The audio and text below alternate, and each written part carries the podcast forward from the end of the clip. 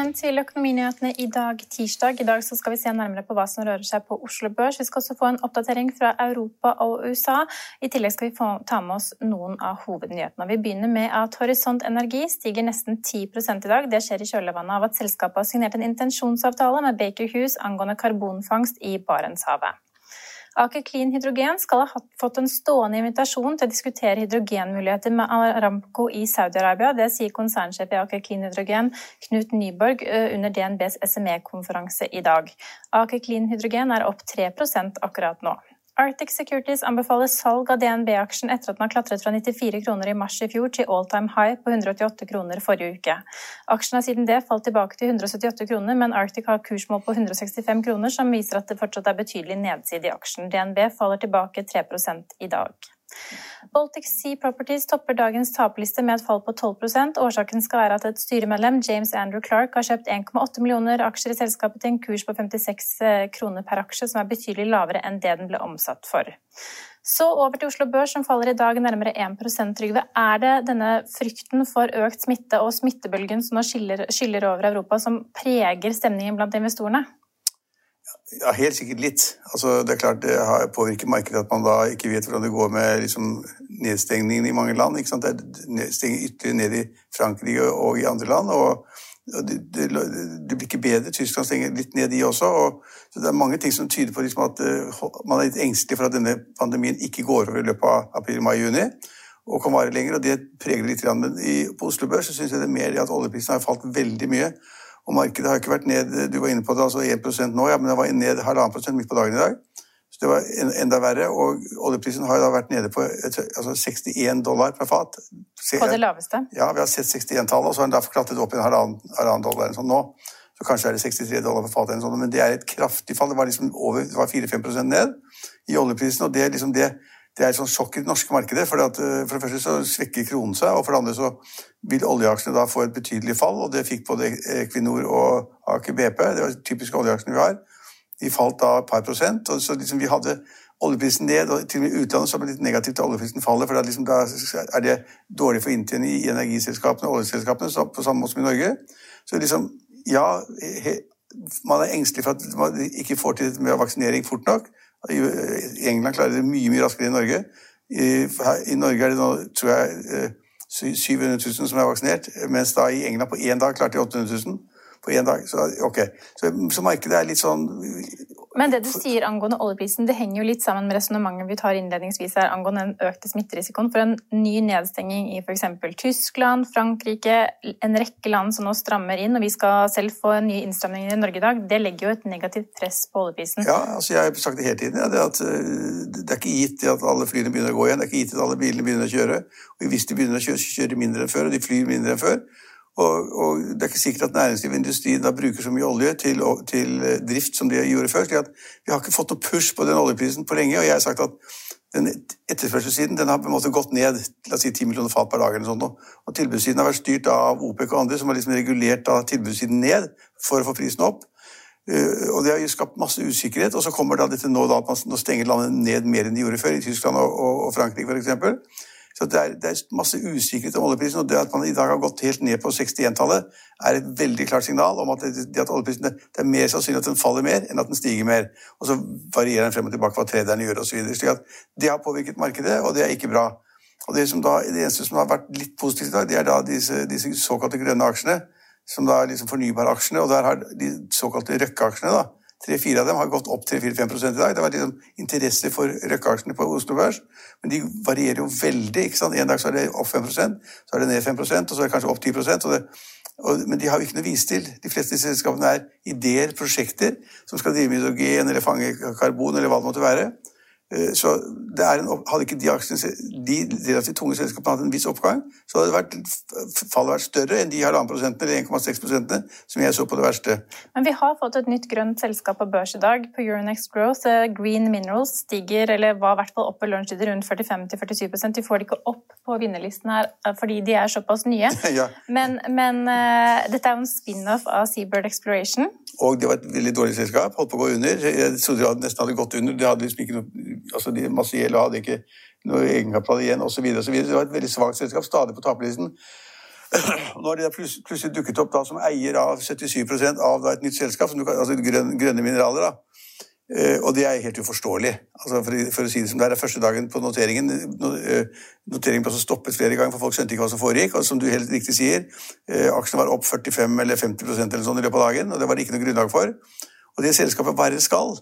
Jo, det er selskap da, hvor de sier at de har proven records, eller de har liksom gjort noe det, De har etablert seg i markedet for da utvinning av mineraler på havbunnen. Ja. ja. Og, og, har du vært på Svalbard?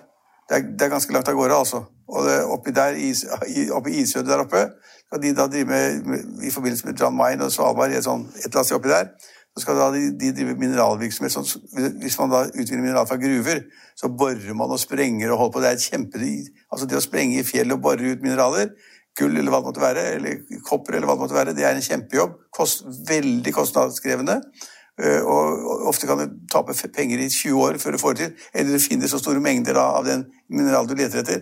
Ok, De skal da begynne med det. Og de meldte i hvert fall om en kontrakt før børsåpning i dag. En kontrakt? Det har ikke noen kontrakt. altså Hvis de har fått det, så har de fått Ja, en kontrakt på gruvedrift på havbunnen. Ja, men noen ja, Kan de gå inn i kontrakt med deg, Eline? Altså, det, en kontrakt på et, et eller annet sted hvor de kan begynne å altså, De skal langt pokkervoll ned. Så skal de finne og skal de ta opp disse mineralene. Det er så langt frem at det er nesten ikke til å tro. Og at markedet sender den aksjen opp. Jeg tror selskapet i dag er priset til en halv milliard eller rundt det. Eh, og det er absolutt null grunnlag for det. absolutt null. Så hvis, da, hvis du absolutt, absolutt være i grønn, i, i, i grønn uh, gruvedrift, grønn gruvedrift skal vi kalle det, istedenfor green minerals, gruvedrift, så kan du jo sette pengene der. Ja. Og Seabird Exploration får jo også en oppgang eh, som følge av at De, de eier 78% av ja. selskapet. Så opp 5,5 akkurat ja, nå, da. Det som er poenget er at de har spunnet av, tatt en del av Seabird Exploration og laget et nytt selskap og satt det på børs og sa de skal drive med gruvedrift i havområdene. Good luck. Ja. Og så har vi et annet selskap, en annen grønn aksje vi har kjent til lenge, og som har gått og gått over en lang årrekke, Scatec Solar, er nå ute og oppdaterer markedet om en ny plan på 100 milliarder frem til 2025 og får en oppgang på 4,5 Trygve. Hva er det som skjuler seg bak det de annonserer i dag? Jeg er ikke helt sikker på hva som skjuler seg bak, men altså, vi vet jo hva altså, disse solparkene er. Der lager man et sånt solpanel og på en måte skaper energi, skaper strøm. Så man da, la oss si får et kjempeområde av et land eller en by eller en kommune eller hva det måtte være. Så bygger man dette her. Så inngår man en avtale om at når vi får disse her, eh, områdene til å lage solparkene på, og så får vi et eller annet tilskudd til å etablere solparkene, og så får dere strøm etterpå i så og så mange år. Så langsiktige kontrakter hvor man produserer solenergi, som man selger til store byer eller kommuner eller land eller hva det måtte være. Men nå de, og, de, og, de, og de har også klart, faktisk klart å tjene penger de, i utlandet, og de, men det ligger til konflikt med noen. Men det de nå sier, det er jo det at nå skal vi bli kjempesvære. Fordi vi er rimelig flinke og skal bli kjempesvære. Vi skal bruke 100 milliarder kroner på å bygge flere solparker da frem til 2025. Det høres veldig ja, ambisiøst ut. De bekrefter i hvert fall et kapasitetsmål per 2021 eh, på 4,5 gigawatt og hever målet til 15 gigawatt. Ja, ja det høres fantastisk ut, men altså, da, de, har ikke 100 milliarder kroner, så da må de låne masse penger. Kanskje de må låne 70-80-90 milliarder kroner. Renten vet jeg ikke noe om, og hvordan de skal finansiere ved obligasjoner eller har ikke peiling, men det er en kjempeambisiøst prosjekt. Så jeg så da at jeg tenkte det ville markedet reagere litt negativt på, for liksom det var litt for stort og krever ganske mye. Langsiktig, mye penger. Men markedet sendte den aksjen opp 4-5-6% i dag. Ja. Og så har vi da Norsk Hydro, som vi snakket om i går. Selskapet fikk jo en nedgradering i går. Noen mente at det begynte å se ut som aksjen var kommet eh, veldig høyt. I dag eh, faller eh, Norsk Hydro videre fordi at nå er det press ned på aluminiumsprisene, og det har med Kina å gjøre, Trygve? Ja, altså det, Hydro har gått overraskende bra, faktisk, til tross for problemer i, i, Brasil og problemer litt med salg av ting og aktiva osv. Så, videre. Eh, så aksjen har, vært, har jo vært, vært høyest det har vært oppe i var i hvert fall i 44 kroner for ikke så ja, lenge siden. Ja, den, ja, jeg husker den var tilbake om den for 20 kroner. Så har den gått og gått og gått, og typ, gått oppover. Ja. Nå står den jo 49,30. Det har vært over 50 så vidt også, ja. tror jeg. Uh, men så kom da det at uh, Kina da åpenbart har bestemt seg for, tror man, til å produsere veldig mye mer aluminium enn de har gjort før. og det, det, det, Å forstyrre markedet hvis de produserer mer enn det man hadde regnet med. Og at det da vil gå utover Hydros produksjon, volum og pris. Og da er det noen som sier at det, nå er toppen nådd for Hydro, den har gått altfor mye altfor lenge. Hvis de får problemer med Kina, så vil de som virkelig produserer mye for å ta en større andel av markedet, så vil prisen falle og ikke øke. Og det er litt uro rundt Kina. Sanksjoner for ja, både masse, Europa og USA? Ja, det er masse. Er, altså, det, det, det, sies at det, liksom, det har ikke vært så, den isfronten på lenge som det er nå. fordi at Biden har sagt ting som ikke er så bra, så er det andre som har sagt ting ikke er så bra. Og, så, det er, altså, så, USA har fått plutselig et veldig kaldt forhold til Russland. Putin og Biden driver og fighter mot hverandre sånn verbalt. Og så har da Kina sagt at nå, liksom, nå er vi lei av å bli tullet med og tøyset med, så skal vi ha orden på de tingene de har avtalt om de inngikk med, med, med Trump osv. Så, så det er skikkelig uroelement. Og det i REC, som da på en måte produserer silisium, da de, Kina begynte å liksom åpne produksjonen og liksom skulle ta markedene, så mistet jo Irek all markedskraft, og de falt jo helt bort, og fabrikken ble nesten nedlagt. Så mange sier at det er ikke det samme, men det at, at Kina rører på seg når det gjelder aluminiumsproduksjon, er negativt for Hydro. Så ja. det er man at Hydro kommer til å falle en stund. Ja, og, og aksjen er jo da ned 5 i dag. Så skal vi over til noe som har beveget seg mye det siste året. Boligprisene i Norge opp 10 eh, fra i fjor. Vi... 15 i Oslo. 15 i Oslo. Eh, Oslo er unntaks, unntakstilstander, sies det i Oslo. Eh, men nå viser en undersøkelse fra Norsk Boligbyggelag, NBBL, at rekordmange nordmenn tror boligprisene skal fortsette å gå. Ja, det er ikke noe overraskende, for det går jo hele tiden. Hvorfor skulle vi stoppe akkurat nå? Da kommer det magiske nøkkelordet, Trygve, som vi har vært inne på, renten. Noen mener at det er det som kan bli eh, det ja. som setter en støkk i boligmarkedet. Ja, men altså, det er helt riktig. Hvis, altså, for det første så er sentralbankrenten i dag null. Og hvem som vet hva, du har litt renter for boliglånene dine? Rundt 2 kanskje? Ja, noe der. Ja. ja noe der. Eh, og det, så har du skattefordelen, og så har du prisstigning på halvannen 2% Du har altså negative renter. Det er gratis å låne penger. Og så kan man si at ja, men det kan jo endre seg fort. Hvis renten plutselig skulle gå opp i 7-8 eh, og mer enn det, eh, så vil kostnadene for de som da kjøper boliger, eller har boliger, som har lån, bli så høye at de må selger ikke klare å betjene gjelden sin. Det er negativt, da vil boligprisene falle. Men Norges Bank og de andre som kan litt om det, og jeg er også litt eh, opptatt av det, har jo sagt at renten skal litt opp kanskje på slutten av året i år, litt opp i 2022. Så er det kanskje opp til et rentenivå i 24, i 24 som gir samme boliglånsrenten omtrent som i dag. Så det, det, blir ikke du skremt av. Nei. Nei. Så det, ingen andre bør bli skremt heller. Og så er det også slik at man kan binde renten. vet du. Altfor få i Norge gjør det. Man kan binde renten sin da nå i ti år på rundt 3% Ti år, nesten 3% Du kan binde i fem år til eh, litt over 2 Altså en, en, et spenn mellom 2 og 3% kan du binde deg i fem eller ti år. Altså, da har du ikke noe å klage på. Er bare å gå og gjøre med en gang. Hvis du er redd for, er redd for at renten skal øke, så kan du binde renten. Så får du håpe at du ikke mister jobben, slik at du har en god jobb, og kanskje to i, i husholdningen som tjener gode, gode, penger. slik at renten er, Hvis renten går opp, er det litt negativt for, for boligmarkedet og boligprisene. Men det er ingen i Norge i dag som tror at renten vil gå mye opp. Nei, og dette med at da renten kan bli satt opp eh, som kan kjøle ned eh, markedet på kort sikt, det vil likevel ikke motvirke en boligprisøkning på litt lengre sikt, fordi boligbyggingen går fortsatt for sakte. I hvert fall i Oslo. I ja. hvert fall i Oslo. Og det er jo akkurat her, eh, her og nå sitter vi i Oslo, og vi vet at det er ekstremt press på prisene her. Ja, Så... altså, det, altså Oslo-prisen har de siste tolv månedene økt med 15% det er, ja. Og så kommer det sikkert til å øke litt til nå. Så kanskje det blir litt så svakere frem mot sommeren, og kanskje ikke så mye i høst. Men boligprisene har økt kraftig. De kan ikke øke sånn 15% hvert år, eller 12 som er på landsbasis.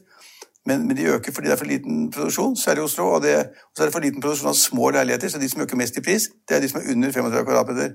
De øker mest. Det er helt naturlig. Studenter eller andre samlivsbrudd eller Det er masse rart som gjør at folk søker etter en bolig som ikke er så stor, som skal være midlertidig. Eh, og, og da går prisene opp. Ja. Folk, altså folk, og I Oslo er det slik at det er lovbestemt at man har ikke lov å bygge boliger mindre enn 35 kvadratmeter. Så da er det sørget for at det er ikke lov i indre Oslo å bygge små leiligheter, som veldig mange vil ha. Og da går prisen på de som er der, opp. Ja. ja. ja. Så litt eh, faktabasert kunnskap om boligpris opp- og nedgang her på slutten, altså. Vi er tilbake med sendingen vår i morgen klokken 15.30. Da har vi også med oss eh, konsernsjef i Eco Online, som går på børs, eh, altså Euronext Growth, i morgen, Gøran Linde, for å snakke mer om den børsnoteringen. Følg med oss igjen da.